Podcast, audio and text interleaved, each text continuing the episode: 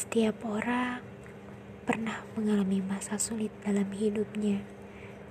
Kesedihan, kekecewaan, kehilangan orang yang dicintai, difitnah, dihianati. Saat di mana orang yang sudah kamu bantu ternyata malah memanfaatkanmu.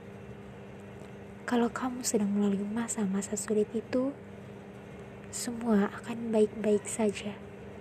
Ya, kamu akan baik-baik saja. Walaupun mungkin situasi kita berbeda, tapi saya pun pernah mengalami masa sulit itu.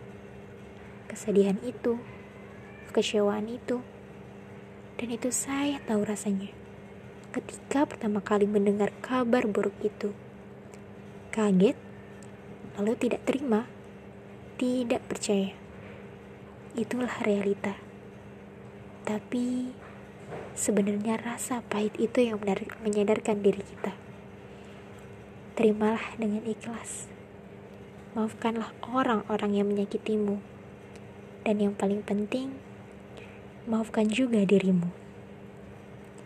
Percayalah, semua akan indah menurut rencananya.